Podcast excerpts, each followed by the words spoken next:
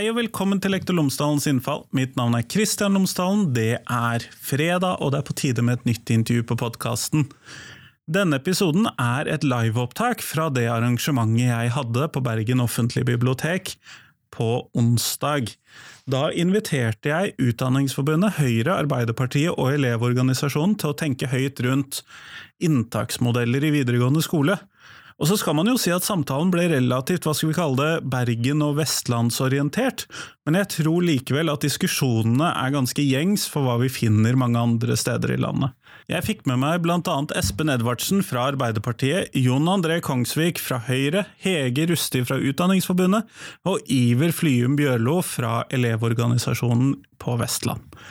Vi diskuterte ulike sider og ulike fordeler og ulemper knyttet til eh, inntaksmodeller, og vi prøvde å se om vi kunne komme på noen andre varianter enn ulike former for nærskole og karakterbasert opptak. Vi diskuterte også friskolenes plass inn i dette.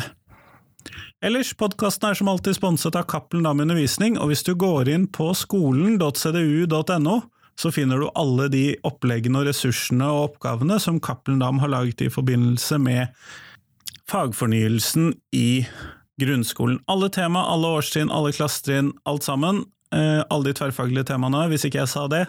Alt det finner du på skolen.cdu.no. Men her får du panelsamtalen, vær så god.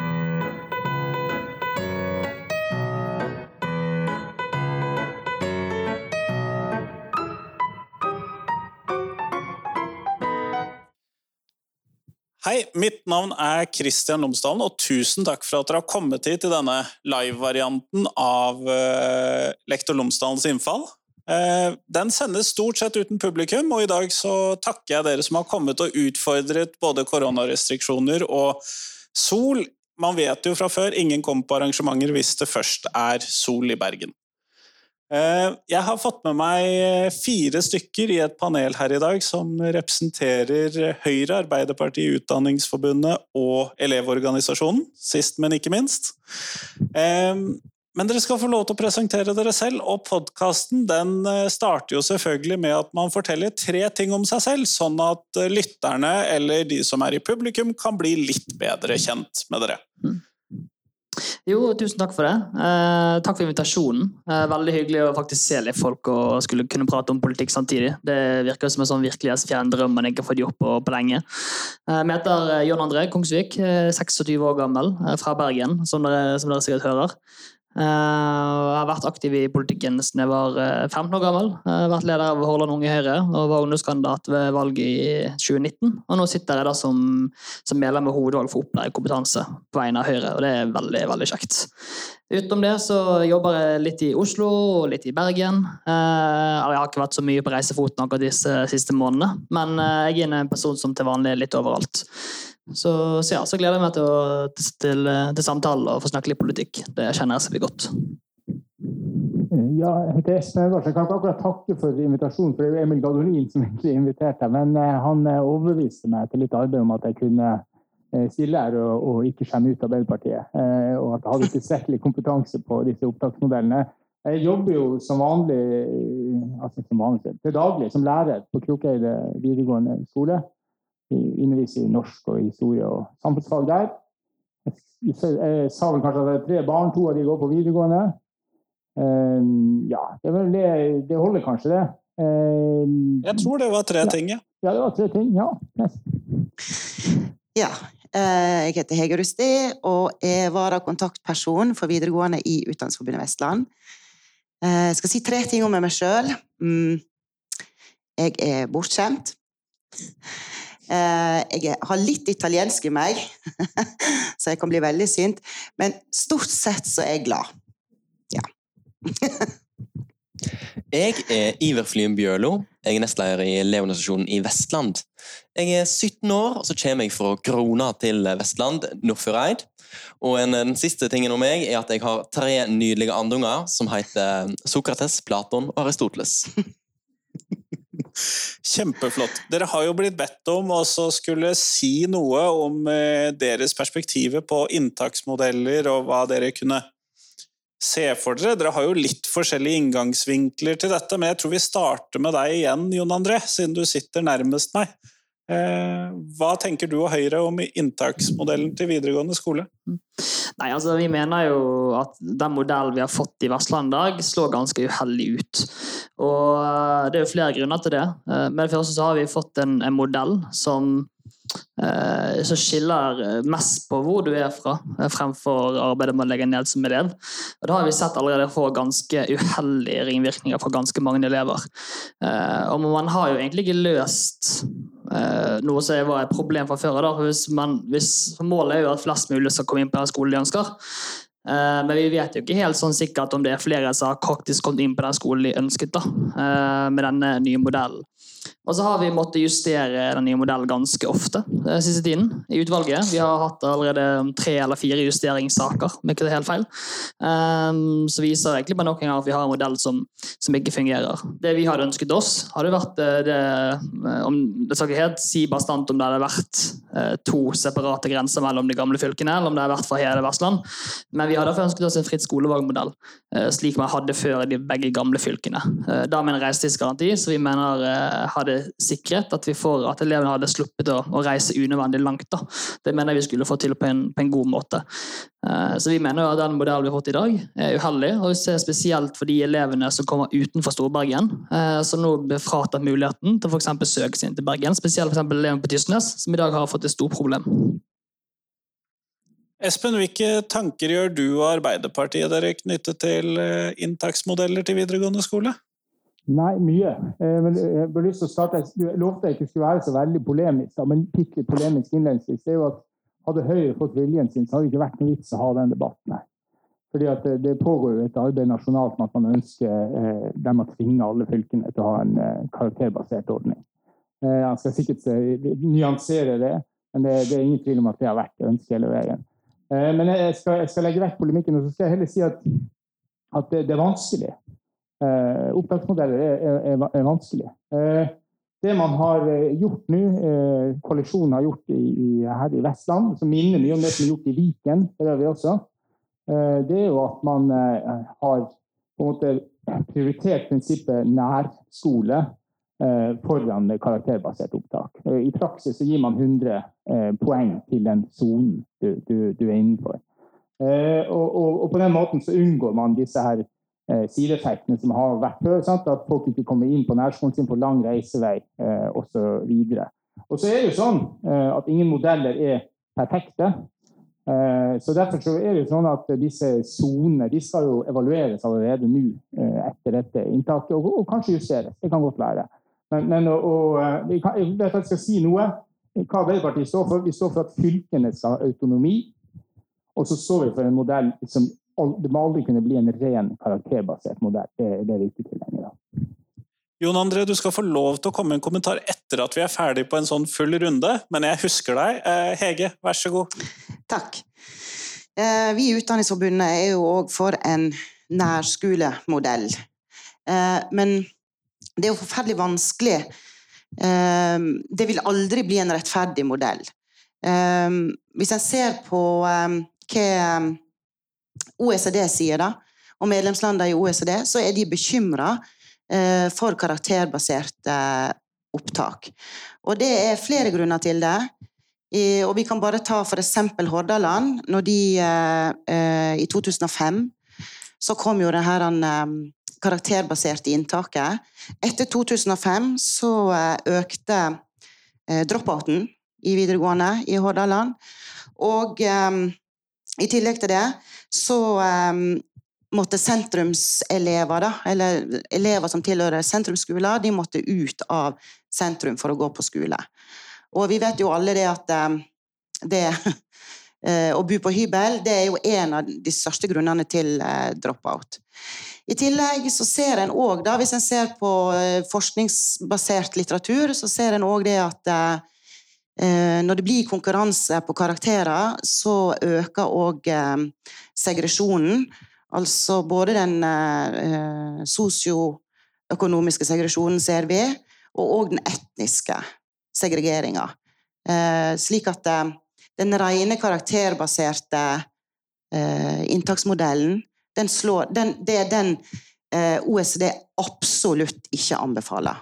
Altså, men um, det fins jo mange andre modeller, og ingen er perfekte. Og sånn er det jo òg med den modellen som er valgt i Vestland. Den er ikke perfekt. Men å gå tilbake til en ren karakterbasert um, uh, inntaksmodell, det vil ødelegge for veldig mange elever.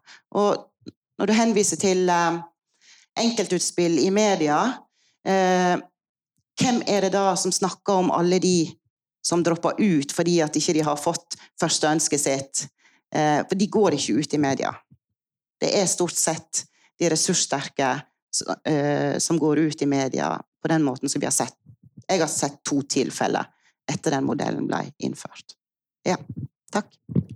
Iver, hva tenker du og Elevorganisasjonen om det? For det finnes jo ganske mange forskjellige måter å organisere dette på. Hva, hvilke erfaringer har dere gjort seg? Vel, Fra Elevorganisasjonen så ønsker vi å representere elevene samla. Og For elevene er det faktisk en utrolig viktig sak. Vi ser saken igjen i møtene vi har, vi ser det at elevene går ut i mediet. Og når vi snakker med elever, så har man mange bekymringer for det her.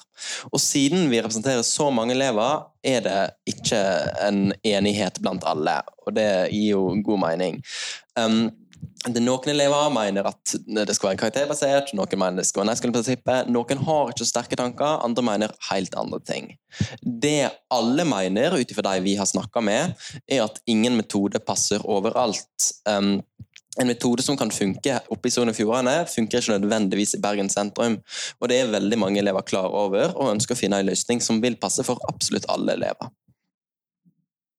Jon André, du har hatt lyst på ordet en stund? Ja. Eh, jeg syns det er litt sånn morsomt, da, faktisk, for å si det på, på, på, den måten, at det er jo sånn i dag at vi har karakterbasert opptak. Uten tvil. Eneste forskjell er jo at man delte inn i soner og gir nærskolepoeng til postnummer.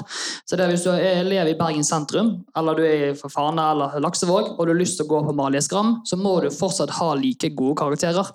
Men man sørger jo for de som kommer utenfra, ikke har samme muligheten til å konkurrere på like grunnlag som hva elevene i Bergen har. Så jo, vi har fortsatt karakterbasert opptak, det er bare det at det er litt mindre fritt enn hva det var før. Uh, og så synes jeg Det er viktig å ta opp dette med frafall. for Det, det, det er noe mye mer sånn komplisert og sammensatt debatt enn hva som blir trukket frem her. Hvis du ser Frafallet de siste årene har jo gått uh, ned uh, på noen områder. Og vi har jo sørget for at altså Det er jo mange elementer som fraværsgrensen har hjulpet på også det. det ser vi. Eh, så det er nok ikke bare én inntaksmodell og nevne tall for 2005. Hvis du ser på hva man har gjort de siste årene eh, knyttet til frafall, så, er det ganske mye bra der. Vi er jo langt ifra i mål. Altså, norske skolen er jo langt fra perfekt. Vi er jo ikke der vi ønsker å være. Men vi syns det blir altfor enkelt å si at pga. at vi har innført fritt skolevalg i 2005, og det alene sørger for en økt frafall. Det, det stemmer nok ikke. Hege? Hege? Ja, men nesten svare på det, fordi at dette her er jo ikke noe som jeg har uh, funnet ut av sjøl. Dette er jo forskningsbasert, sånn at uh, jeg siterer kun det som uh, er kommet fram i en rapport om inntaksmodeller. Der faktisk Hordaland ble trukket fram at kom, med at det kom et økt frafall fra videregående etter 2005, når det ble karakterbasert. Og så klart at Frafall handler ikke bare om karakterer. Men det er en del andre ting òg som taler imot. Eh, F.eks. det at eh, når det er karakterbasert, så er det jo grunnskolepoeng en går ut ifra. Og eh, Høyre snakker om fritt skolevalg. Ja, det er fritt for de som har gode karakterer, men ikke for de som ikke har gode karakterer. Og gode karakterer, hva er det? Jo, det er det læreren setter i tiende klasse. Og en undersøkelse, eller en, spørreundersøkelse gjort hos Oslo-elever Eh, så er det veldig mange som peker på det at en firer gitt av én lærer på én skole, ikke nødvendigvis en firer på en annen skole. Eh, og da blir jo ikke det rettferdig heller. Eh, sånn at ja, og hvis det da er en elev som har hatt en trøblete hverdag da, siste halvår i tiende klassen, som egentlig kunne ha kommet inn på en skole hvis det hadde vært karakterbasert inntak, så vil ikke da komme inn pga. Eh, lavere karakterer. Så det fins veldig mye som taler mot rene, eh, rent karakterbasert inntak. Nå snakker vi om helt rent inntak, altså. I, kun karakterer. en replikk? Ja, men dagens system, eller den nye nærskolematrisen, gjør jo nettopp det. Den baserer jo det rent på karakterer. Eh, med mindre også bor du innenfor en sone, så gir det at du får da poeng knyttet til postnummeret ditt. Eh, så det at vi har jo fortsatt det er bare man har laget et mye mer komplisert system eh, som gjør at det er mindre fritt for enkelte elever. Og det har nok vært ganske mange eksempler på mange elever som, som opplever altså, utfordringer med dette her, og en grunn til at vi har just, måttet justere den tre eller fire ganger. Og vi må sikkert gjøre det enda flere ganger, for det, er såpass mange elever nå så vi ser ikke kommer inn eh, frem til Storbergen. Så jeg vil si det, men det er, jo, det er jo mer til den debatten enn dette. her. Det handler jo også om elevenes muligheten til å velge selv hvilke skoler de ønsker å gå på. så jeg mener en grunnleggende rettighet de skal ha. Uh, og så synes jeg denne debatten, altså Det er en del av debatten som får altfor lite oppmerksomhet. for Det er at en ting, ja, altså, det er jo klart at ressurssterke elever får gode karakterer, den biten der, men man fjerner jo også insentivet Eh, til de elevene som har dårlige karakterer, til faktisk jobber jobbe mot et mål. Det er jo en selvstendig egenverdi å kunne gjøre også det. Eh, det er jo mange elever der som, som faktisk har jobbet mot et mål, som får bedre karakterer, for de har insentiv å jobbe mot noe. Den verdien der syns jeg forsvinner altfor mye i, i den debatten om inntaksmodellen.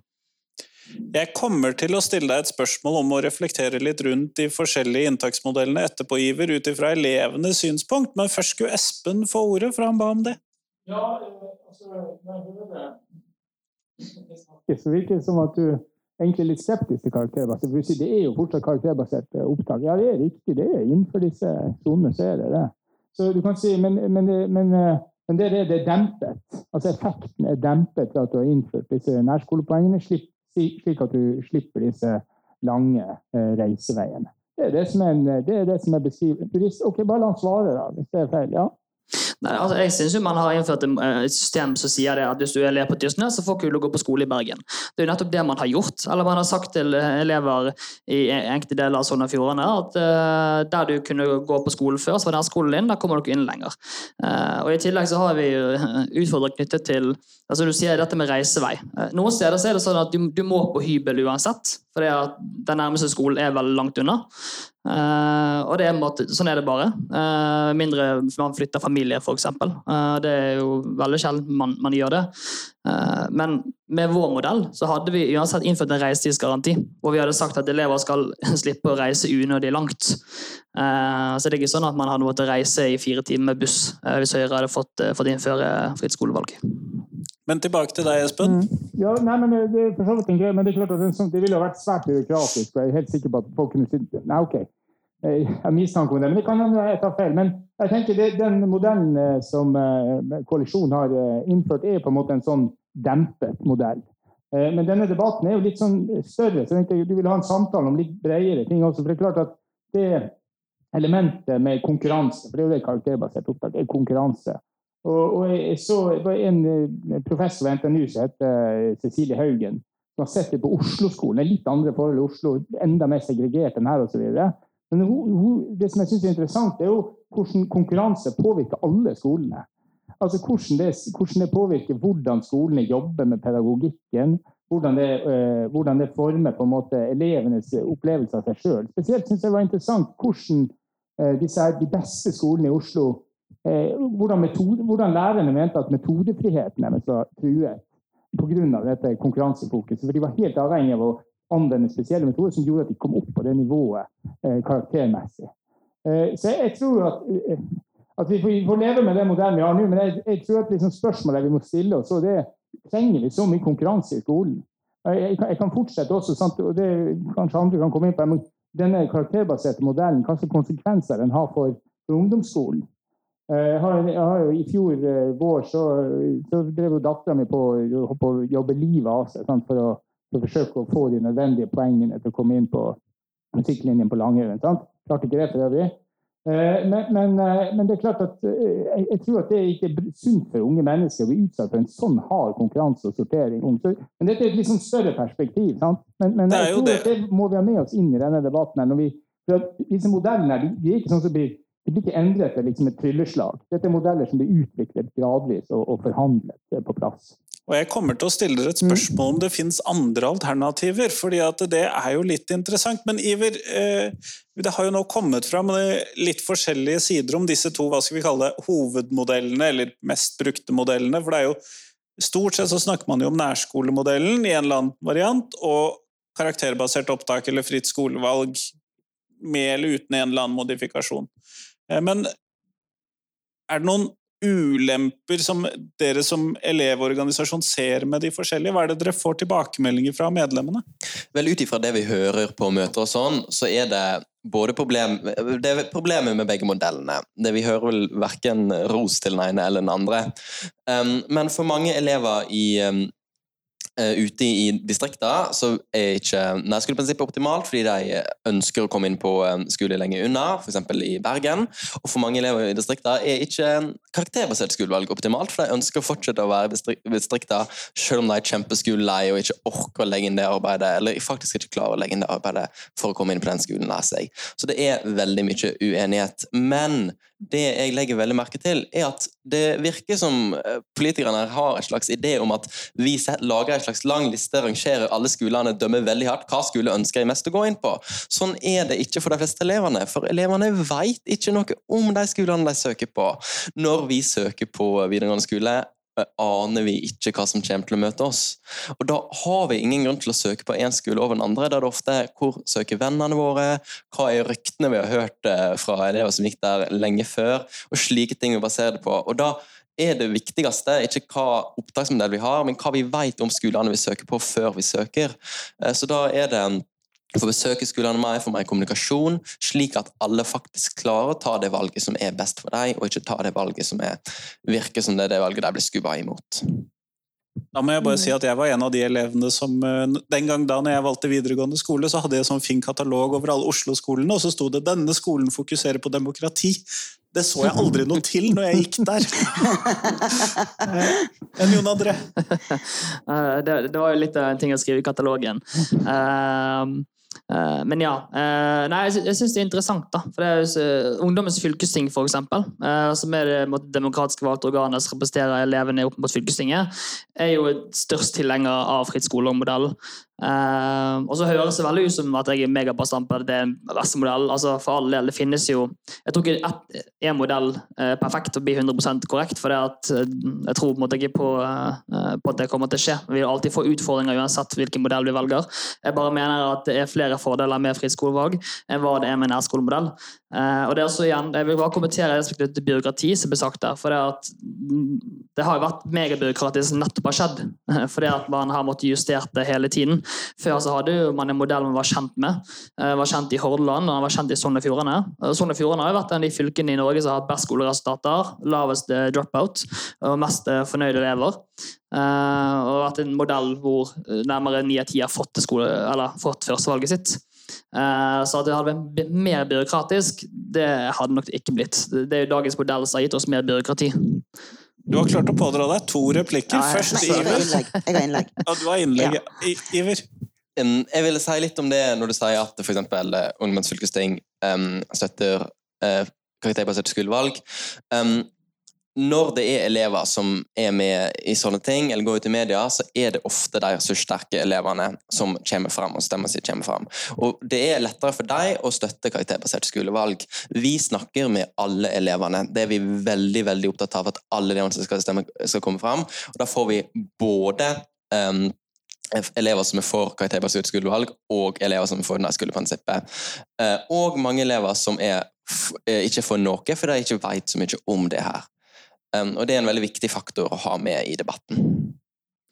Jon André replikk, så Hege. Ja, jeg må bare kommentere det, for det er litt merkelig å si at, at Ungdommens fylkesting ikke representerer alle elevene, men dere gjør det. For det var vel egentlig det du nettopp sa direkte. da. Og det syns jeg er en litt sånn arrogant tilnærming til, til elevene. Eh, det må jeg bare få sagt. Eh, og det har også vært en, en bred høringsrunde på alle modeller, eh, hvor en har fått ganske mye innspill fra både elever, og lærere, politikere og, andre organisasjoner i høringsrunden før man lander på en modell. Hege? Ja, siden du trekker inn Sogn og Fjordane, så må jeg jo bare si litt om det. Og eh, Det handler jo ikke om at det er fritt skolevalg i, i Sogn og Fjordane, eller karakterbasert. Det er ikke det det handler om. I Sogn og Fjordane handler det om helt andre ting. Eh, for det første så er eh, det, altså, hvis du velger en skole som ikke ligger i nærheten av deg, så må du rimelig langt unna. Du må bo på hybel. Du må ta buss tre, fire, fem timer. Eh, hjem igjen i helga. ikke sant? Så Sogn og Fjordane handler ikke om at elevene nødvendigvis eh, syns det er så flott med, med karakterbaserte inntak. Det handler om, at det, det handler, om logistikk. Eh, og når vi snakker om eh, Når vi snakker om Sogn og Fjordane-skolen og de gode resultatene der, så ha, eh, handler jo det om hva som foregår inne på skolen. Altså, i, altså systemet rundt elevene. ikke sant? Med at vi har hatt eh, to kontaktlærere eh, på eh, studiespesialiserende på hvert år som har kunnet følge dem opp. Vi har hatt en, en um, opplæringsavdeling som har vært veldig på hele tiden. Eh, vi fanger opp de som eh, begynner å nærme seg én, og vi har et system for det. Sånn at eh, de gode resultatene i Sogn og Fjordane handler nok mer om systemet og logistikken enn at det, er, at det var karakterbasert. For de søkte seg til nærmeste skole, og det gjør de vel for så vidt i stor grad enda. Kunne vi tenke oss at vi organiserte dette på noen andre måter? Er det noen andre modeller som vi kunne dratt nytte av, eller at vi kunne se for oss? Espen, du var kjempekjapt ute med en finger der. Ja, du kan si Det mest radikale forslaget, som jeg bør bare understreke eh, vi ikke er tilhengere av, men som er artig, som jeg har prøvd ut, eh, det var litt sånn Oslo Met-forskning. Det var loddtrekning. altså bare for å se liksom, hvordan det ville slå ut i forhold til hva elevene hadde valgt. å sitte Uh, Låttrekking var ikke så bra metode, egentlig. jeg er kjempeoverrasket. så, så, det er greit. Men uh, altså, jeg, jeg, tror jo at fordi at jeg syns at det er noen av disse innvendingene altså, bare si sånn, Skoleresultater er resultat av veldig mye mer enn uh, en hvor hardt folk jobber. Det er veldig mange som jobber veldig hardt uten å oppnå resultater. Det kan være mange grunner til det. Det kan være hva man har med seg på hjemmebane, kognitive opplæring osv. Så, så, så, så alt det der er greit. Men men jeg, jeg, men jeg syns jo likevel at det er et poeng, så den høyresida har kanskje litt poeng eh, eh, når det gjelder sånn sosial mobilitet. Sant? det er klart Hvis du jobber hardt, og så er det tilfeldigvis adressen din som gjør at du ikke får gå på den skolen som du hadde lyst til å gå på. Det, det poenget synes jeg, det, det kan jeg se. Eh, så er spørsmålet skal det være det styrende prinsippet for hele sektoren, styre alt sammen. Det syns ikke jeg. Nei. Men det er klart at hadde gått an å se for seg et system med, med, med kvoter osv., der man kunne ha noen altså der noen elementer var det, der andre elementer kan jo være som nærskoleprinsipp osv. Det er litt den modellen man hadde eh, De som er like gamle som meg, de snakker om hvorfor de kom inn på Katten, og ingen kan forklare hvorfor. Så Det var en eller annen sånn, en eller annen sånn type modell på 90-tallet, altså på, på 70-80-tallet. Altså. Så, ja.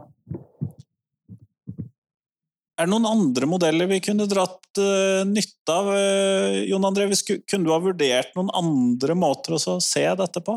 Kunne kvoter vært en greie? Altså, nå har jo man, eh, man har jobbet ganske mye med dette, både regionalt, men også fra sentralt hold, altså fra departementets side. Og man har jo ikke akkurat kommet frem eh, til, til, en modell som eh, er perfekt. Det tror vi heller ikke kommer til å komme opp med. Eh, men så har man lansert en del ulike eh, modeller. altså sånn, Det med fritt skolevalg var ikke sånn at det var en ren eh, karakterbasert eh, ordning, hvor det var valgfritt på bakgrunn av karakterene sine. Men vi hadde jo alle mulige typer sånn skal vi beholde de gamle fylkesgrensene i, internt i ett fylke. det var én ting. Skulle man dele opp i andre typer regioner og soner, hvor du kan søke Det er fritt skolevalg innenfor den eh, sonen der, eh, sånn som man har mer tilnærmet i dag. og det har ikke kommet frem så mye mer revolusjonerende enn det som lå i høringsrunden. da. så, så jeg syns det er vanskelig å svare på. Men jeg ser ikke helt for meg på en hvilken annen måte vi skal legge til grunn. da. For det at jeg, jeg, mener jo oppriktig at det er elevenes egen innsats og karakterer som bør være det styrende prinsippet uh, for hvordan man kommer inn. For jeg mener det er rettferdig. For det, er jo min rettferdighetssans. Mens andre er ikke, er ikke helt enig i det. da, Og det er jo helt greit. Uh, det er jo der vi er uenige. Uh, Iver, har du noen andre modeller som du kunne tenke deg? Ja. Det jeg tenker, er at uh, begge de her modellene har det til felles at til sjuende sist er det karakterene som vil bestemme um, veldig mye. Selvsagt vil um, jeg skulle prinsipp ha en litt begrensa um, uh, måte å ta inn på, men uansett er det karakterene som er det siste. Um, men karakterene er de reflekterer ikke elevene.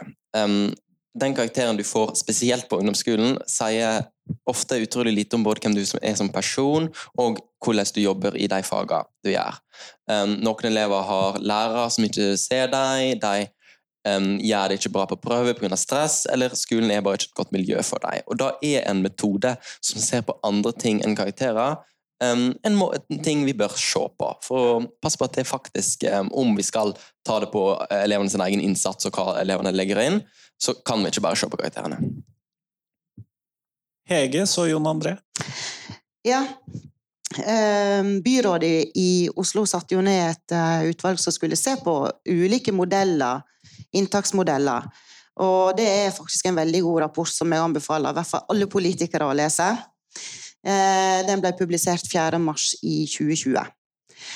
Og de har jo sett på ulike mange ulike modeller. Det er loddtrekning, det er rent nærskoleprinsipp, som Trøndelag har.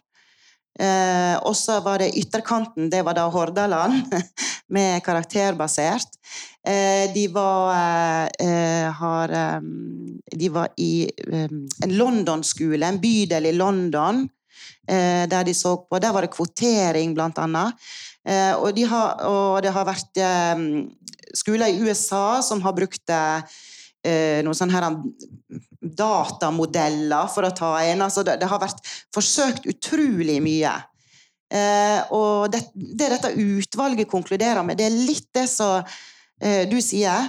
Eh, det er eh, sannsynligvis for å få den, det rette inntaket, da så er det eh, at den baserer seg på karakterer, men at òg andre ting kommer i tillegg.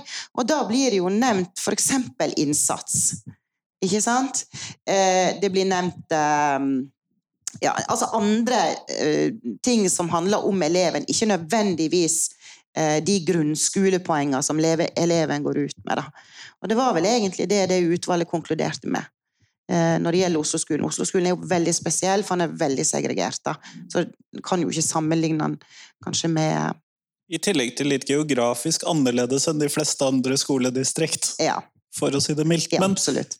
Jon André, du ba om ordet. Ja, det, det, er også et moment av debatten vi ikke har vært innom ennå. Og det er at eh, Hvis vi snakker om skoleresultater mellom Sogn og Fjordane og Hordaland, eh, så er det sånn at hvis du tar ut Bergen av Hordaland, og så har du Hordaland ut Bergen, så ser jo ting veldig annerledes ut.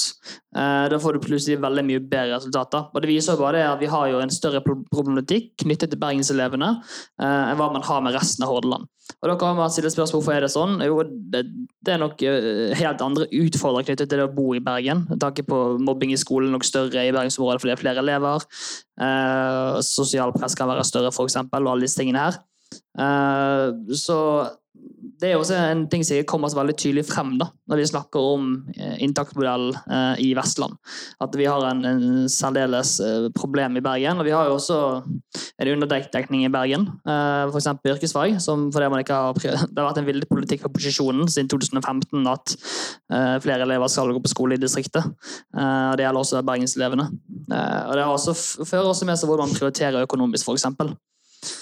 Så eh, det er nok en, en moment som forsvinner litt i hele den suppen, store suppen av en debatt vi kaller for, eller om inntaksområdene.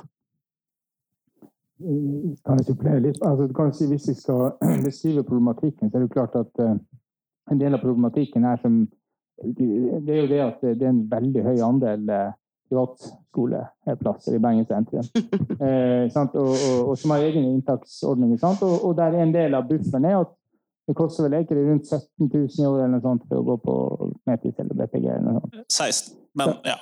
Ok, 16 009 var det jeg sjekka. Men, men, ok, men, men så der er det jo en buffer i økonomi som er veldig uheldig. Eh, som er en diskusjon for seg. Men det er klart at det gjør det vanskelig å være, være utdanningspolitiker når, når, sentrale myndigheter har valgt å godkjenne så mange eh, private skoleplasser i sentrum. Det var bare en parentes her. Mm.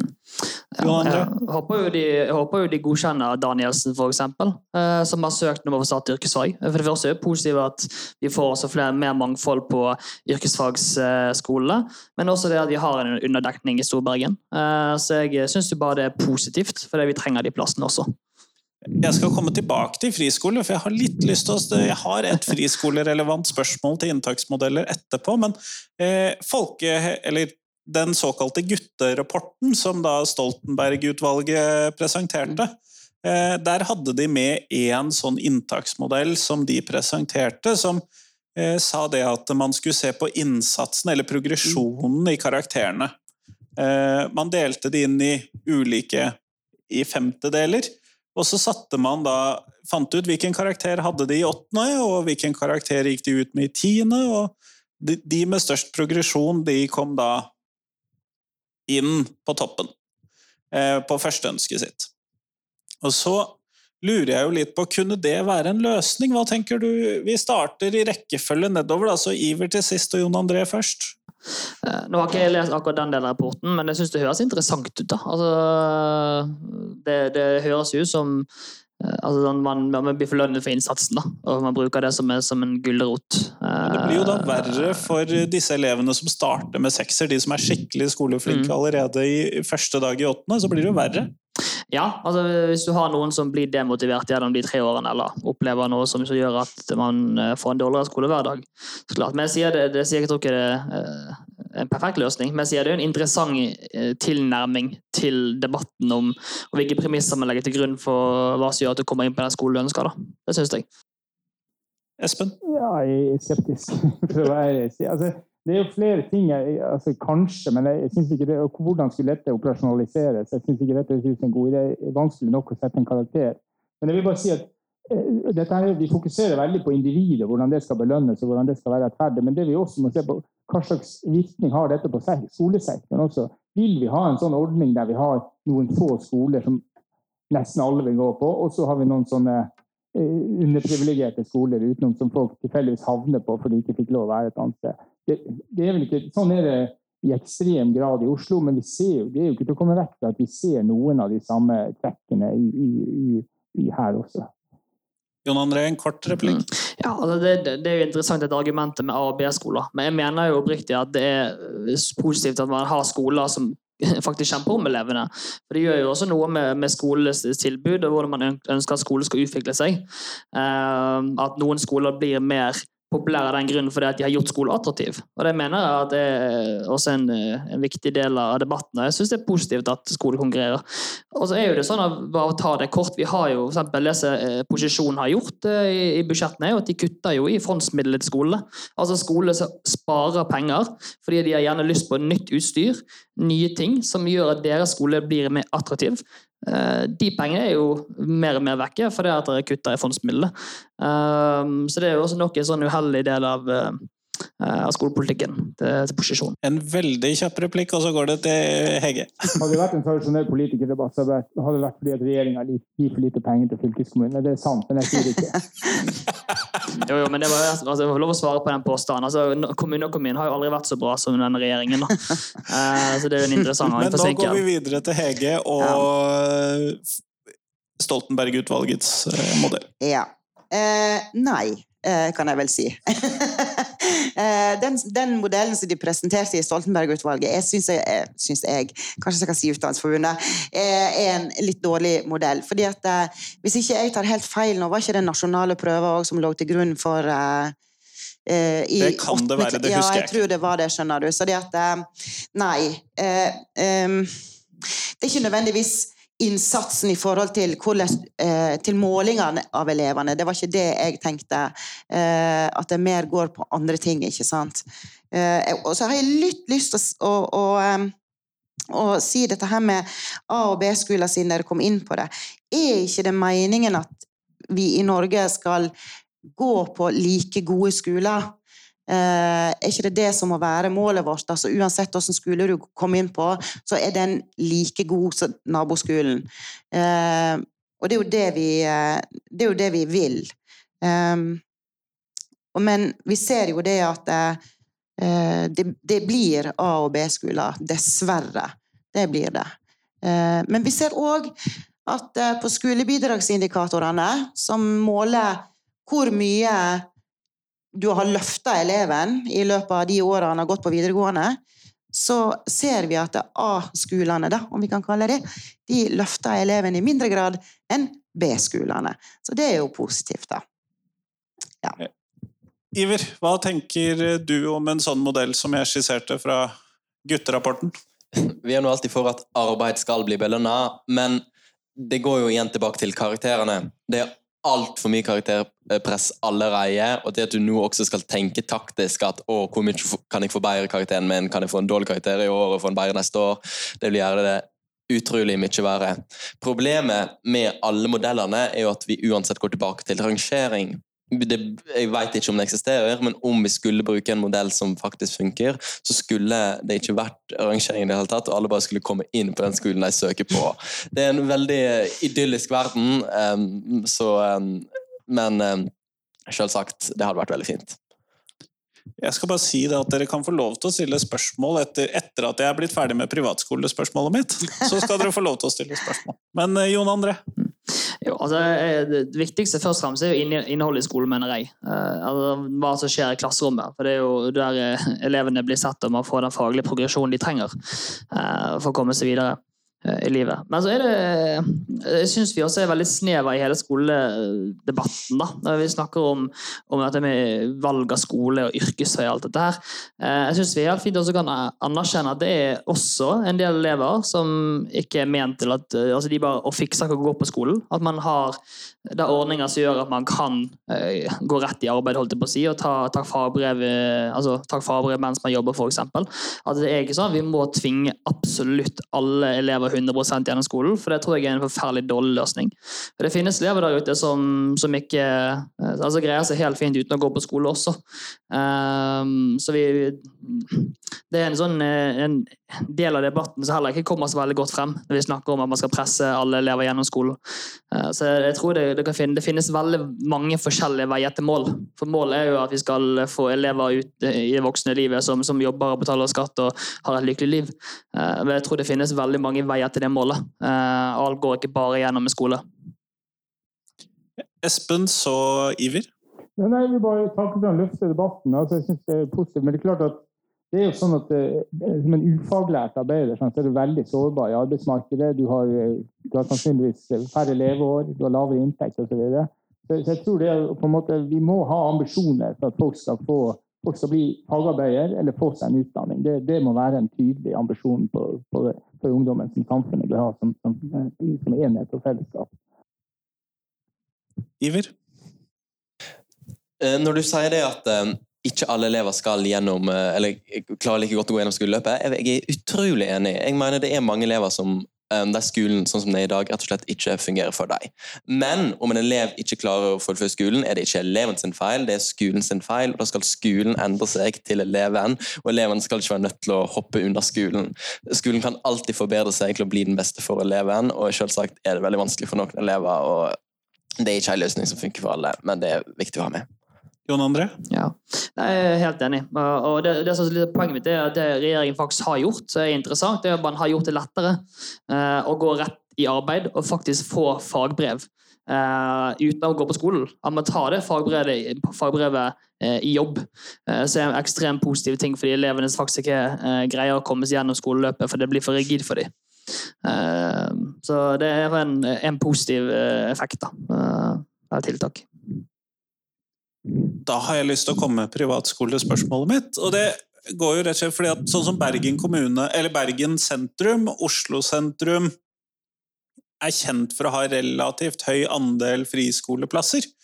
Eh, og så har jeg jo av og til tenkt, og jeg har vel også sagt høyt noen ganger, at de som gleder seg mest over at vi går bort fra karakterbasert inntak, er eierne av privatskolene i disse attraktive bysentrumene.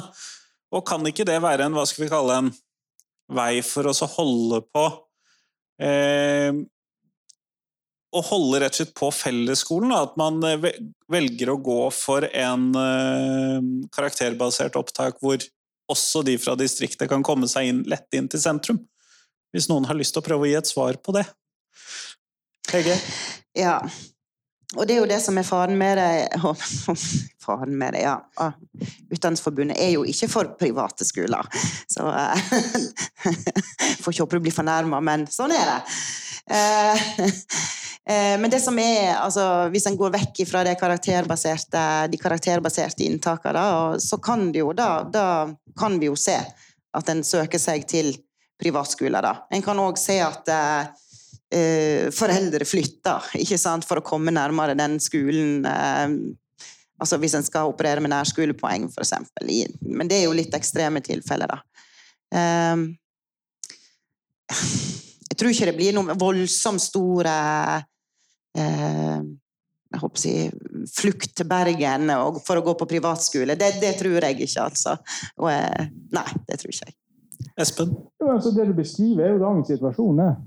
Altså det, er, det, er veldig krevende å komme inn på studiespesialisering på, på de, de offentlig eide skolene. sant? Og så har du et veldig stort privat eh, tilbud. Der bufferen er, er selvfølgelig det karakterer, men ikke så høyt. Og så er det penger. De må, de må ha en viss betalingsevne, foreldrene. Og det er jo et veldig uheldig system. Det er ingen tvil om det. Og, og eh, det er klart at det er ulike holdninger i Arbeiderpartiet til det. Noen eh, Altså Det som står i programmet i dag, er at vi vil, inn, eh, vi stramme inn eh, privatskoleloven. Eller det heter friskoleloven, det er fint. Det vil hete privatskoleloven. det er det. Eh, men det er klart at eh, å drive og legge ned skoler med pennestrøk, det vil jo ikke være aktuelt. Dette er jo, det er jo lange utviklingslinjer. sant? Men, men eh, vi ønsker en, en, lavere andel private skoler, ja. Og det vil jo gjøre det lettere å planlegge. Da vil vi, da vil vi slippe å få sånne utilsiktede konsekvenser som dette egentlig er med en stor eh, etablering av privatskole. John André? Nei, Jeg er veldig positiv til friskoler. Det heter friskoler fordi staten finansierer 75 av, av plassene cirka. Eh, altså, per, altså 75% hva det koster per elev. Eh, men det hvis du ser på, på inntaket, da, når folk søker seg til videregående skole, så ser vi det at ca. ikke helt tall i hodet, men det er ganske høyt, oppimot 80-90% av elevene velger nærskolen sin, stort sett. Uh, fordi de ønsker å gå på nærskolen sin. Uh, for det, det som er mest eller Det kan kanskje vennene går der, eller det er kortere reiseveier og det, den type ting. Det er det mange grunner til å velge det. men det som er så fint, er jo at altså, friskole er en mulighet for de som ønsker å velge seg vekk også. At de har muligheten til å flytte vekk hvis de har lyst til det. Og Den egenverdien syns jeg eh, er ganske stor. Eh, og så er det sånn at eh, Friskoler representerer også et annet mangfold enn den offentlige skolen. For eksempel det som går på religiøse ting i en side av saken. Ta idrett, da, for eksempel. Ta stand. Det er jo ikke alle som har, har muligheten til å ha, eller karakterene til å komme inn på stand, eksempel. De har muligheten til å begynne på idrett med Metis. Eh, det syns jeg også er en, en, en, god ting. Iver, har du noen eh, som elev, eller noen tanker? For du har vel kanskje ikke noen svar, men noen tanker? Jeg tror ikke jeg har noen akkurat om dette temaet som er relevante. Nei, men det er helt i orden. Men da er det lov til å stille spørsmål hvis man har det i salen. Så skal jeg klare å få de med på mikrofonen hvis man har det.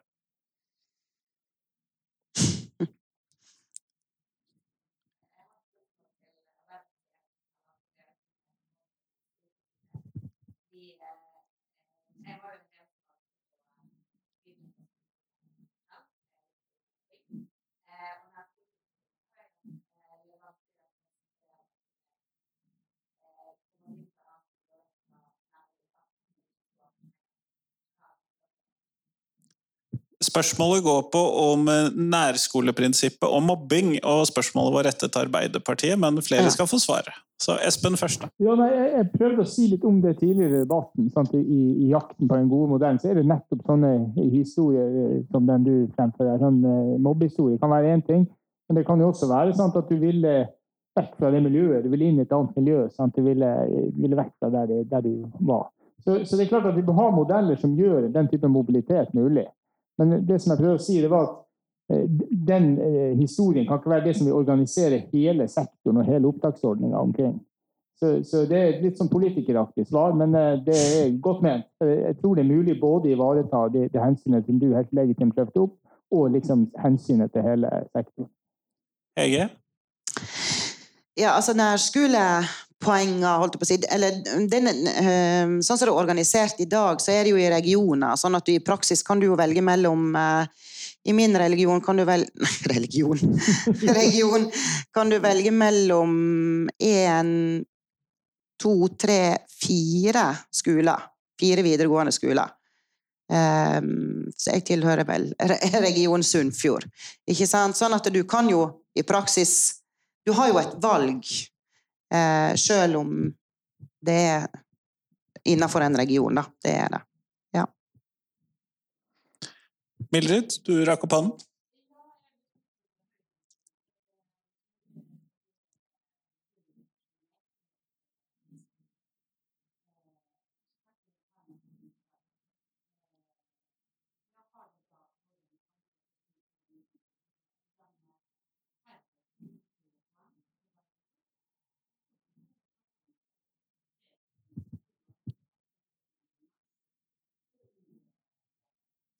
Spørsmålet var altså en utfordring til Høyre om det var mulig å snu pyramiden opp ned, sånn at de som hadde lavest antall grunnskolepoeng, fikk velge først.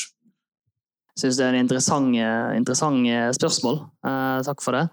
Um, jeg mener jo nei, for jeg er grunnleggende altså, Jeg mener jo at, at har man gode karakterer så har jobbet hardt for det, så skal det også belønnes. Så jeg mener det er et insentiv for de som har lavest grunnskolepoeng, til faktisk jobbe mot et mål. Uh, og det er positivt. Så jeg er jo grunnleggende for det synet, da. Eh, men jeg mener altså, debatten om frafall handler nok i større grad om hva man gjør eh, i klasserommet og i tiltak i skolen, mer enn hva det handler om i en inntaksmodell. Eh, for å hindre frafall sånn, Det handler om dyktige lærere som ser eleven. Det handler om en fraværsgrense som har fungert og gjør at flere faktisk blir sett. Nå, altså, vi må registrere at de er vekke fra skolen. Det er ikke sånn lenger at For før var det sånn at man kunne jo egentlig bare være vekk fra skolen hele tiden. Men nå er det sånn ok, Uh, jo, vi kunne det, for vi hadde ikke en fraværsgrense. Uh, for jeg på videregående. Uh, men i dag har man fraværsgrense som sier det. Hei, hei, du har vært ganske mye vekk fra skolen. Hvorfor har du det? Det er nettopp det spørsmålet fraværsgrensen gjør. I mye større grad enn hva jeg gjorde før. Før var man veldig avhengig av at det var kontaktlærere som var veldig på. Men i dag man, har man en, en regel, et regelverk som, som, hjelper de med å gjøre den biten der, da, som har fungert positivt. Eh, man har gjort ganske mye på yrkesfag, der drop-outen har vært størst, f.eks. Eh, og den skal bli mindre. Eh, jeg har snakket ganske mye om, om, ting man har gjort, ting man har lyst til å gjøre for at det skal bli enda bedre. Men det tror ikke vi har tid til å se på deg. Iver, du har bedt om replikk, og så er det Espen etterpå. Ikke at jeg skal eh, snu debatten mot fravær, men jeg har bare et oppriktig spørsmål. Eh, som jeg lurer på Om du kan svare på.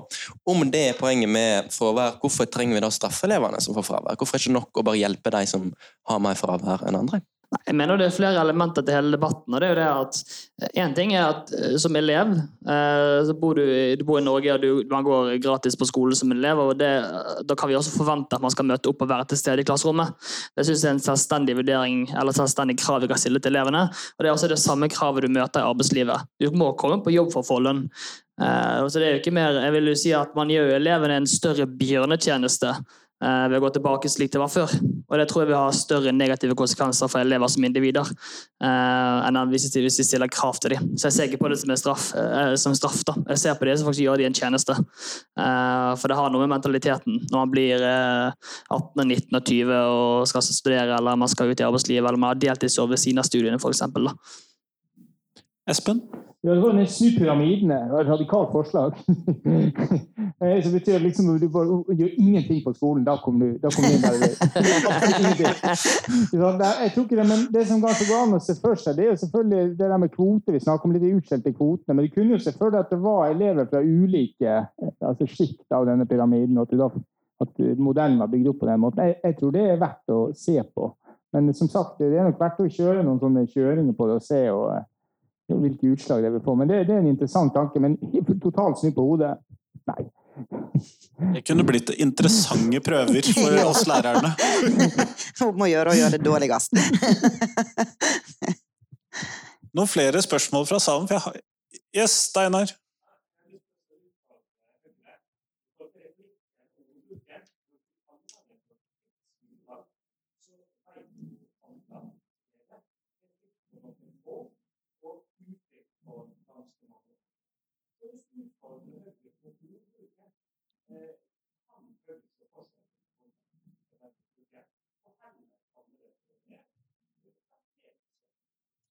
Da var det en oppfordring til Høyre om å gå bort fra fritt skolevalg og heller kalle det for karakterbasert opptak. Det var den korte varianten. Yes. Nei, takk for, takk for spørsmålet. Eh, det er jo litt samme liksom Arbeiderpartiet konsekvent kaller eh, friskoler for privatskoler. Eh, for å si det sånn. Men jeg mener jo oppriktig at fritt skolevalg er godt dekkende, fordi at man står jo fritt som elev til å velge den skolen man har lyst på. Og man kan også jobbe for å komme inn på den skolen eh, gjennom tre år. Derfor mener jeg at man kan kalle det for fritt skolevalg. Eh, så nei. Men det, altså, det mener jeg altså konsekvent at det går helt fint å kalle det fritt. Men flott, Vi går mot slutten, og jeg har det siste spørsmålet mitt. og Det har jeg til alle jeg intervjuer. og da... Jeg tror vi skal begynne med deg, Iver, siden du har vært på slutten av rekka til nå. Men hva er de tre viktigste tingene som skolen lærer elevene? Um, jeg vil eh, snakke litt om det spørsmålet. Um, fordi for mange elever så føles det ut som et press om det at de skal lære noe på eh, skolen. Og det skaper en miljø som jeg ikke liker, og jeg tror det er veldig mange elever som ikke liker. For jeg mener, og veldig mange mener, at skolen skal ikke være en plass der du lærer noe. Skolen skal være et trygt miljø der du kan utvikle deg til å være en person som er klar for voksenlivet. Og da eh, trenger du ikke lære spesifikke ting. Da er det viktige at du har eh, den hjelpa du trenger, og det miljøet du trenger for å faktisk bli den personen du ønsker å være i voksenlivet. Og det er det viktigste skolen kan gjøre for elevene. Hege? Ja um, Det viktigste mine elever går ut med, det er altså Litt tilbake til uh, Reform 97. At de blir et gangsmenneske. Det er det viktigste. De trenger ikke å ha sex i alle fag. De, ja, de blir et gangsmenneske. Og robuste til å møte livet, for det får de jo midt i trynet. uten, ut, uten å bry seg om de vil eller ikke. Ja. Espen? Jeg blir usikker på spørsmålet. Jeg blir sikkert å lese på forhånd, ikke gjort lekser, men det er ideale realitet du vil ha her. Altså, vet, vet du hva, det er opp til deg. Det er opp til meg, altså. Nei, fordi at du kan si Du, kan, velge, du kan velge fritt. Du kan velge fritt. Altså, kan gi, burde gi dem selvtillit, men mange får selvforakt av å ha gått på skolen. Det er mest mange som forakter Spesielt ute der hos oss er det mange vi må liksom avlære selvforakten før vi får det i gang med, med, med læring. Så selvtillit er en viktig ting. Lett å glemme. Eh, samarbeid, Evne til samarbeid i stedet for veldig mye fokus på konkurranse. tror jeg er en, en, en viktig ting. Og så er det jo fag det er jo bra. Folk, det, det, det, er ikke noe veien for det, kunne, det, det er en stor glede å beherske et fag. Så hvis man klarer å beherske ikke beherske alle, men hvis du virkelig føler at du behersker en par-tre fag, så er det kjempebra. Så det syns jeg man skal ha som mål å lære på skolen. Sistemann ut, Jon André? Jeg stiller jo meg bak alt det de har sagt før meg her. Eh, jeg tror at alle har rett i det de sier. Vi er bare uenige om hvilken vei som er best for å komme i mål. Uh, men jeg husker norsklæreren min i tredje klasse på videregående. Kjelland het han. Ved Fana gymnas. Han sa at dette ikke er norskfag, dette er dannelsesfag. og jeg tenkte bare jaha, dette kan bli et langt år. Men uh, det, var, det, var, en veldig god norsklærer. altså, skole er jo også et slags sånn dannelsesområde. Man lærer sånn, det må være selvstendige mennesker som også kan ta de valgene de har lyst til å ta i, valg, altså i, i livet sitt videre. Da. De ber med voksne at de har de mulighetene. At alle skal ha de samme mulighetene til å bli det, det mennesket de ønsker å, å, bli når de består. da. det var veldig så klisjé sagt, men eh, det er jo også det, er også det vi egentlig jeg føler alle har sagt her også, da. bare på forskjellige måter. Kjempeflott. Tusen takk for at dere tok dere tid til meg i dag. Veldig hyggelig å bli invitert.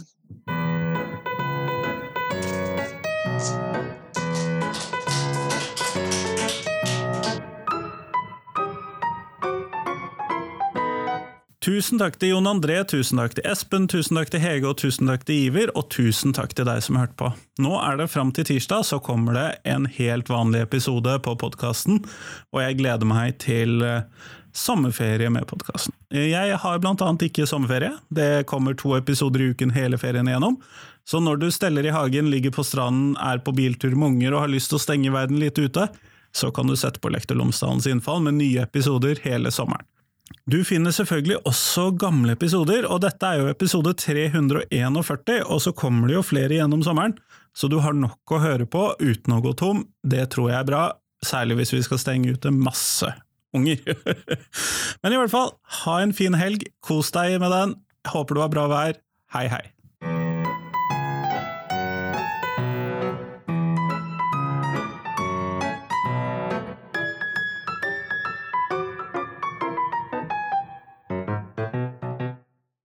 Jeg trenger tips ikke bare om mennesker jeg skal intervjue, men også om temaene jeg skal intervjue folk om.